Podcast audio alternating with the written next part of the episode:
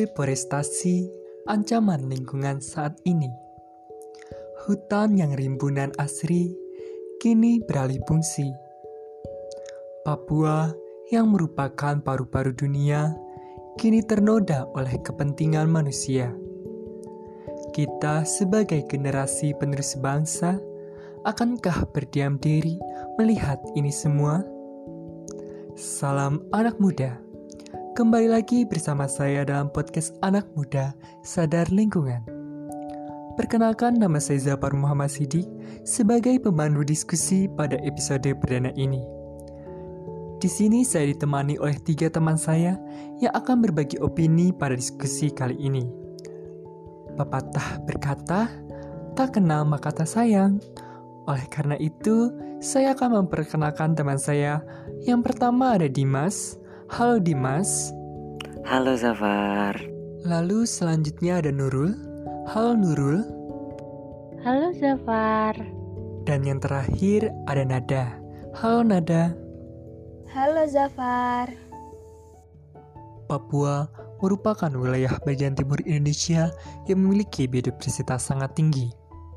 Bahkan, Papua juga menjadi habitat untuk spesies-spesies fauna khas Australis seperti mamalia marsupialia dan beberapa jenis burung. Pada tahun 2012, daratan Papua didominasi oleh hutan alam yang mencapai sekitar 86% dari luas daratan. Sementara itu, hasil dari analisis FWI, Forest Watch Indonesia pada tahun 2014 menunjukkan hutan alam bioregion Papua mencapai 83% daratan. Sampai dengan tahun 2017, terjadi pengurangan luasan hutan atau deforestasi seluas 189,3 ribu hektar per tahun antara tahun 2013 sampai 2017. Sehingga pada tahun 2017, luas hutan alam di Papua sekitar 33,7 juta hektar atau sekitar 81 persen daratan. Hutan sudah menjadi bagian kehidupan masyarakat Papua kearifan lokal masyarakat dalam memanfaatkan hutan menjadi nilai tersendiri untuk masyarakat adat dalam pengolahan hutan. Meskipun demikian, kemegahan hutan alam di tanah Papua tidak pernah lepas dari ancaman deforestasi dan degradasi. Industri-industri ekstraktif berbasis lahan secara masif terus mengkonversi hutan alam, menghilangkan sumber-sumber kehidupan masyarakat dan habitat satwa-satwa endemik yang ada di sana. Dari peristiwa tadi, mari kita berdiskusi. Pastinya kalian penasaran kan, apa sih sebenarnya yang menyebabkan pengurangan luasan hutan Papua? Setiap peristiwa pasti ada penyebab di dalamnya. Maka dari itu, mari kita cari berdasarkan fakta-fakta yang ada. Di sini saya akan bertanya kepada Nurul, bagaimana pandangan Nurul mengenai peristiwa tersebut? Kalau menurut saya sangat disayangkan sekali Apalagi saat ini wilayah paling asri di Indonesia adalah Papua, karena di sana masih banyak tumbuhan dan hewan yang hidup dengan baik.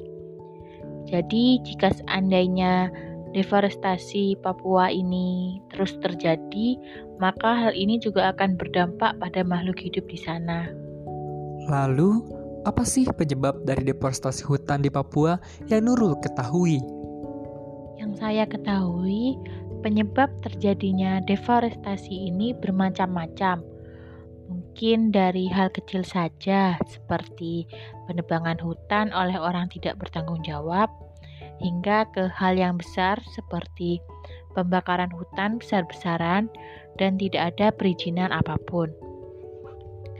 Hal ini benar-benar sangat disayangkan karena lama-kelamaan jika deforestasi ini terus dilakukan dan tidak ada tindakan tegas, maka tidak menutup kemungkinan jika wilayah hijau di Papua akan semakin menipis.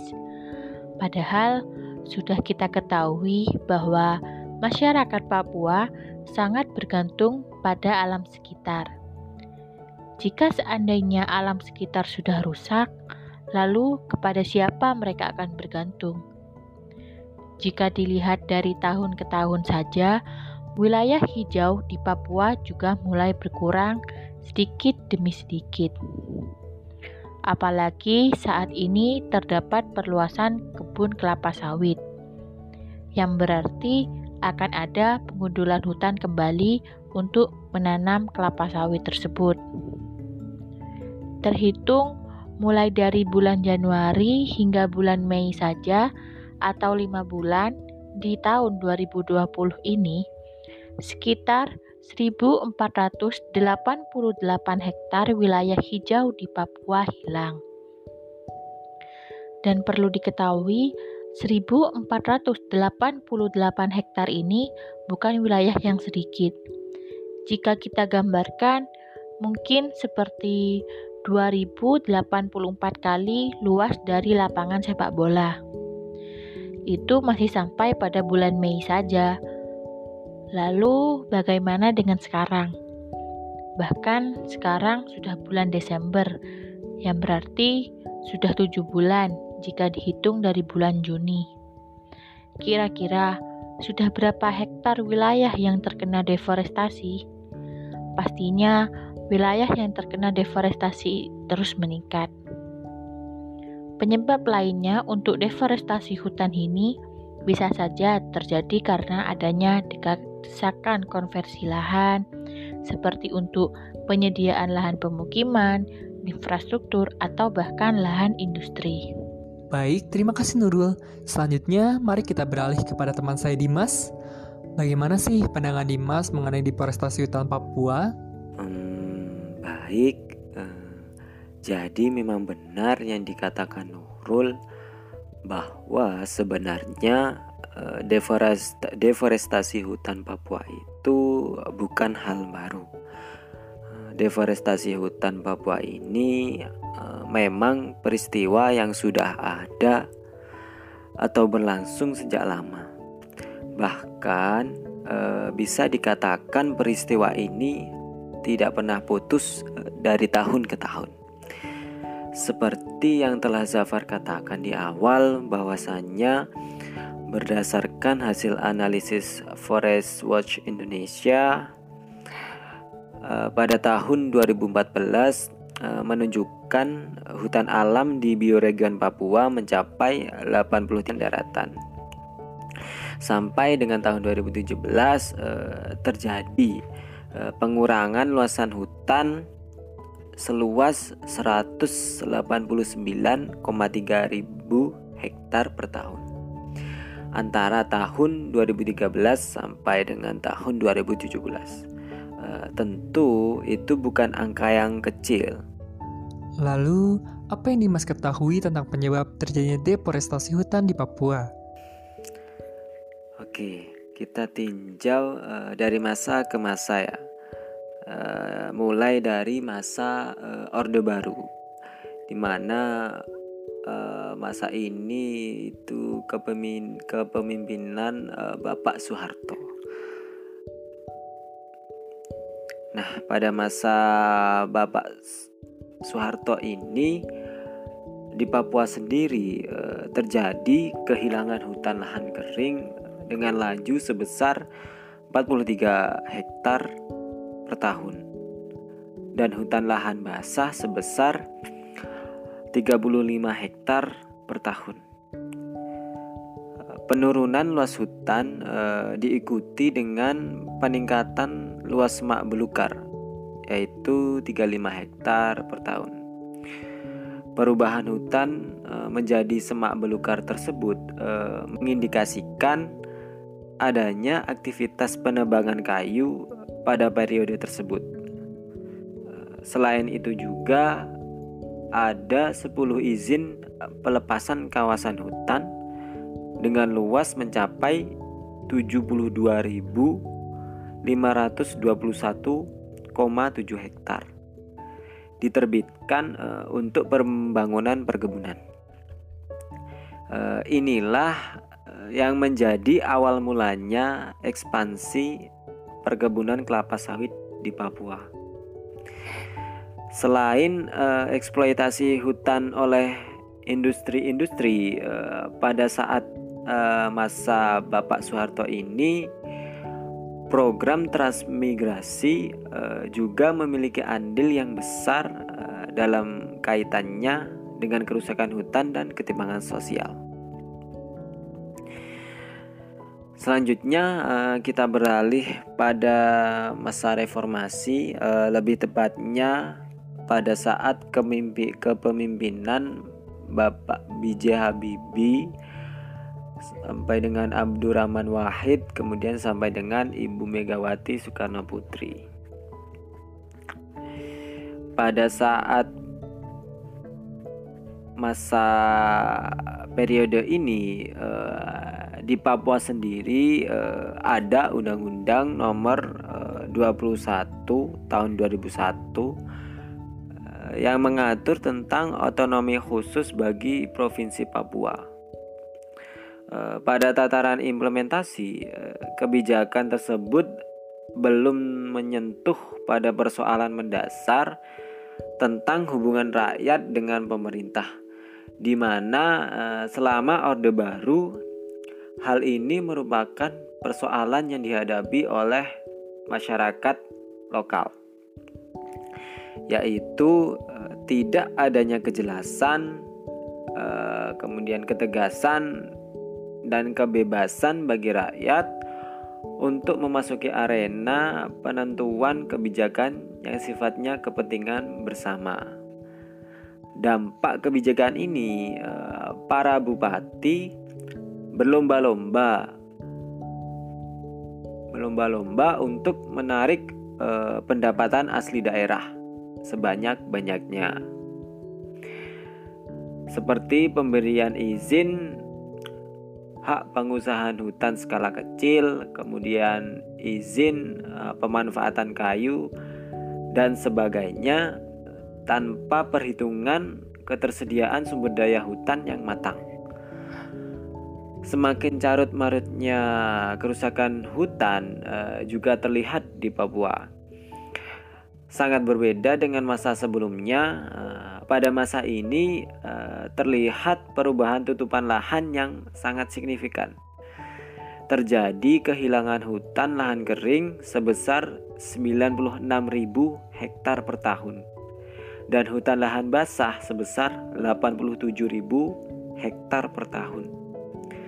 Dampaknya terhadap tutupan lahan eh, terjadi peningkatan semak belukar sebesar 138.000 hektar per tahun. Pertanian sebesar 42.000 hektar per tahun dan pertambangan sebesar 73 hektar per tahun. Selain itu juga eh, ada empat izin pelepasan kawasan hutan uh, untuk perkebunan seluas 94.332,69 hektar. Selanjutnya uh, kita beralih pada ke masa kepemimpinan Bapak Susilo Bambang Yudhoyono atau yang biasa kita sebut dengan Pak SBY. Sejalan uh, dengan masa pemerintahan sebelumnya, pada masa kepemimpinan Bapak SBY ini eh, investasi berbasis lahan yang terjadi di Papua semakin masif. Konversi hutan alam eh, menjadi perkebunan terus berlanjut dan menyisakan ketidakadilan di tanah Papua.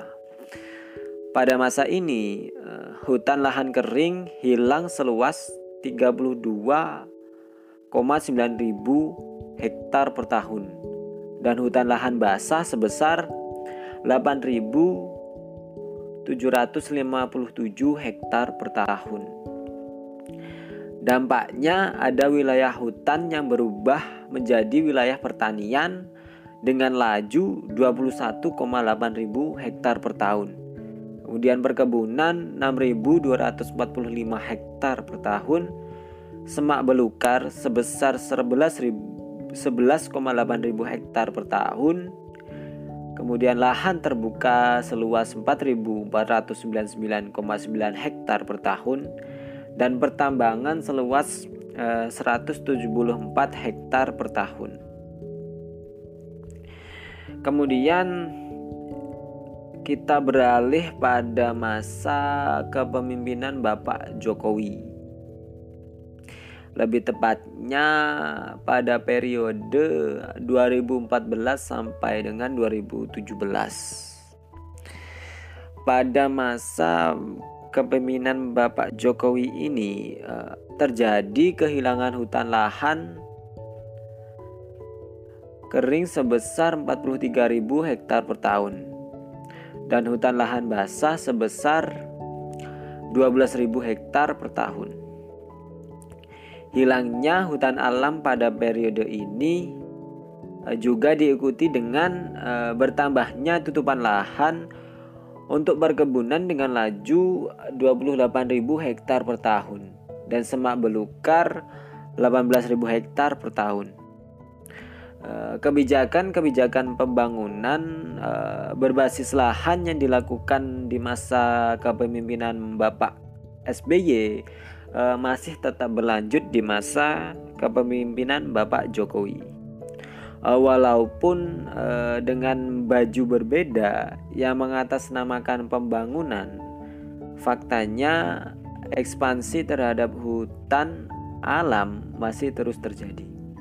Bahkan sampai dengan tahun 2017 sudah ada empat izin pelepasan kawasan hutan untuk perkebunan dengan luas 36.244 hektar yang dikeluarkan oleh Menteri Kehutanan.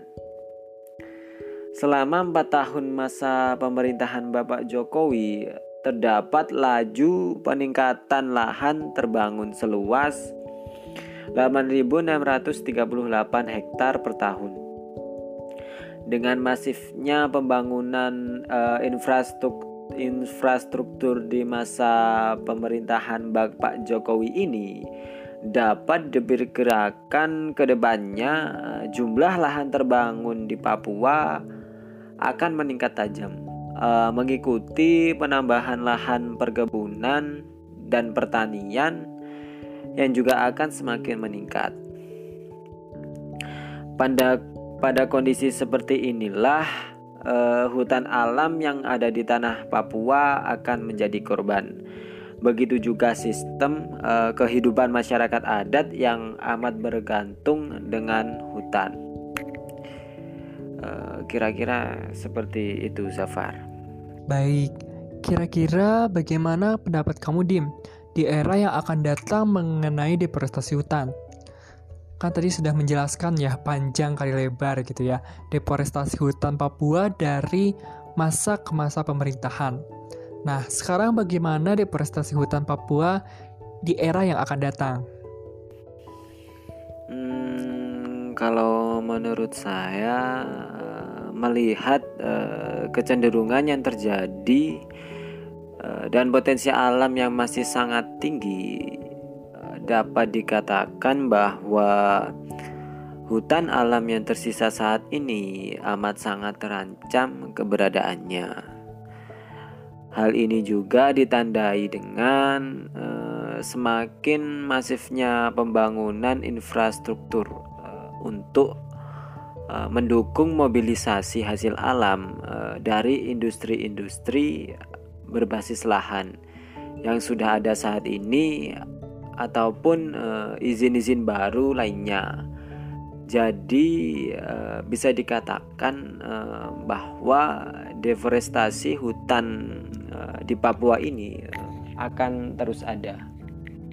Seperti itu, Zafar. Nah, dari tadi kita sudah mendengar penjelasan mengenai penyebab dari deforestasi hutan di Papua. Seperti yang kita tahu, di setiap peristiwa kita mengenal hukum sebab dan akibat. Nah, maka dari itu, mari kita dengarkan apa sih akibat dari deforestasi hutan di Papua. Mari kita beralih ke teman saya selanjutnya, Nada. Bagaimana akibat dari deforestasi hutan itu sendiri bagi masyarakat Papua khususnya, atau mungkin bagi kita sebagai manusia? Menurut beberapa sumber yang eh, saya baca, untuk akibat dari deforestasi hutan itu berdampak pada ini kerugian ekonomis bagi penduduk di sana. Kenapa? Karena ini hilangnya manfaat dari potensi hutan atau tempat sumber pangan gratis bagi penduduk ada di sana.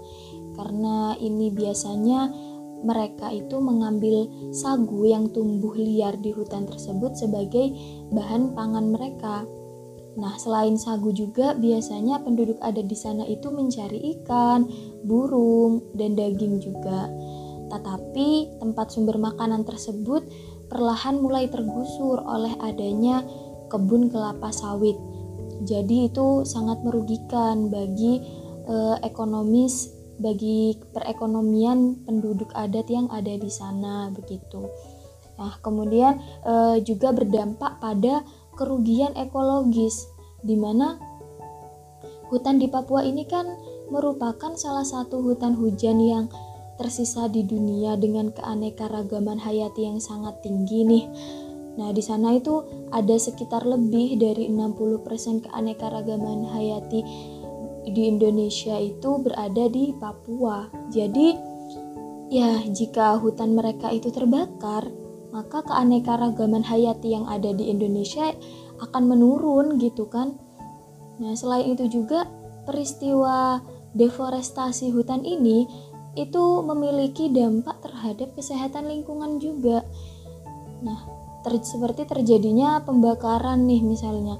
Nah, pembakaran itu kan akan mengakibatkan seluruh desa yang berada di dekat hutan yang terbakar itu akan tertutupi oleh asap dari kebakaran tersebut gitu di mana ya asap tersebut kan mengandung ini emisi gas karbon dioksida dan ya gas-gas lainnya juga gitu sehingga berdampak pada pemanasan global, perubahan iklim dan tidak baik juga bagi kesehatan penduduk yang ada di sana gitu. Jadi eh, itu beberapa dampak akibat dari adanya deforestasi hutan di Papua. Baik, tadi Nada sudah menjelaskan bagaimana akibat dari deforestasi hutan itu sendiri. Nah, selanjutnya, apakah ada saran dari Nada mengenai peristiwa ini untuk anak muda Indonesia dan juga pemerintah Indonesia? Kalau saran dari aku nih, ini saran untuk pemerintah ya, yaitu khususnya untuk pemerintah pusat dan juga pemerintah daerah mereka ini harus memiliki ketegasan dalam memberikan sanksi terhadap perusahaan-perusahaan yang melanggar aturan mengenai pembakaran hutan, penebangan hutan, ataupun yang lainnya. Kenapa? E, karena ya sikap tegas dari pemerintah ini tuh sangat dibutuhkan agar tidak ada lagi pelanggaran ataupun kasus deforestasi hutan kembali begitu. Dan kalau untuk ini ya saran untuk anak mudanya, untuk anak mudanya sendiri nih. Di sini ya kita membutuhkan apresiasi dan juga dukungan dari mereka gitu ya untuk membantu menjaga dan e, untuk membantu menjaga kelestarian hutan yang ada di Papua agar tetap terjaga kelestariannya gitu. Terus untuk ini untuk mewujudkannya itu kita bisa melakukannya dengan cara menekan pemerintah nih agar tidak mudah dalam memberikan izin pengelolaan lahan kepada perusahaan swasta kayak gitu. Jadi mungkin itu sih saran uh, buat pemerintah dan juga anak mudanya kayak gitu Far. Nah, tadi kita sudah mendengar saran dari Nada. Mungkin ada saran lagi dari yang lain untuk anak muda Indonesia dan juga pemerintah. Mungkin dari Nurul, dipersilakan Nurul. Saran untuk pemerintah, mungkin pemerintah bisa melakukan pengawasan terhadap hutan, apalagi kan saat ini zamannya sudah canggih. Jadi, mungkin pemerintah bisa melakukan pengawasan hutan melalui teknologi satelit. Kalau untuk anak muda di Indonesia, saya harap kita semua bisa menjaga dan melestarikan hutan. Bisa kita mulai dengan hal-hal kecil, seperti melakukan reboisasi dan tidak menebang pohon sembarangan. Jika bukan kita, lalu siapa? Mari kita jaga hutan Indonesia untuk kehidupan yang akan datang, mulai dari diri kita sendiri. Baik, terima kasih. Wah, tidak terasa kita sudah berada di penghujung diskusi. Nah, sebelum kita mengakhiri diskusi, mari kita dengarkan pesan dari Nurul, Dimas, dan Nada untuk anak muda Indonesia. Tetap jaga hutan, tetap jaga lingkungan, cintai alam, cintai Indonesia. Pesan untuk anak muda ya. Sebenarnya saya sendiri juga masih muda. Oke, jadi di sini saya ingin mengajak semuanya ya, mengajak semuanya artinya seluruh komponen masyarakat yang memang merasa tinggal di bumi yang kebutuhannya diperoleh dari bumi dan dipenuhi oleh bumi. Saya mengajak eh, kepada kalian semua, terutama untuk saya sendiri, untuk mengubah mengubah kebiasaan kita yang tadinya berubah setelah terjadi bencana menjadi berubah untuk mencegah bencana. Cukup seperti itu dari saya Zafar. Kalau dari saya sendiri, pesan untuk anak muda yaitu eh, tingkatkan apresiasi kalian dalam menjaga kelestarian lingkungan hutan. Karena eh, partisipasi kalian itu sangat penting dalam penyadaran masyarakat akan pentingnya kita untuk menjaga lingkungan hutan kita gitu mungkin itu aja sih kalau uh, pesan dari saya bagi anak muda Baik, terima kasih. Semoga pesan dari Nurul, Dimas, dan Nada bisa berdampak positif bagi seluruh anak muda yang ada di Indonesia khususnya dan berdampak baik bagi keutuhan hutan Indonesia. Baik, terima kasih Nurul. Dimas dan Nada telah berbagi informasi pada diskusi kali ini. Semoga apa yang kita diskusikan dapat bermanfaat dan berdampak baik bagi perubahan Indonesia dan kesadaran masyarakat Indonesia terutama dalam menjaga lingkungan.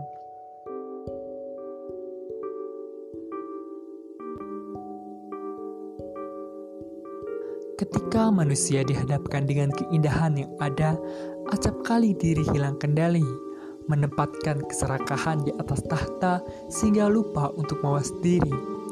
Ketika hutan memberi banyak manfaat pada manusia, sudah selayaknya kita menjaga dan merawatnya, bukan gelap mata lalu mencari keuntungan semata. Mari dari detik ini kita membuka mata melanglang buana menelusuri cakrawala. Peka terhadap apa yang ada di sekitar kita, bergerak membawa kepada perubahan nyata. Jaga dan memanfaatkan apa yang Tuhan beri bukan merusak demi kepentingan sendiri. Salam anak muda. Terima kasih telah mendengarkan diskusi pada episode kali ini. Sampai jumpa pada episode selanjutnya bersama Anda, anak muda sadar lingkungan. See you.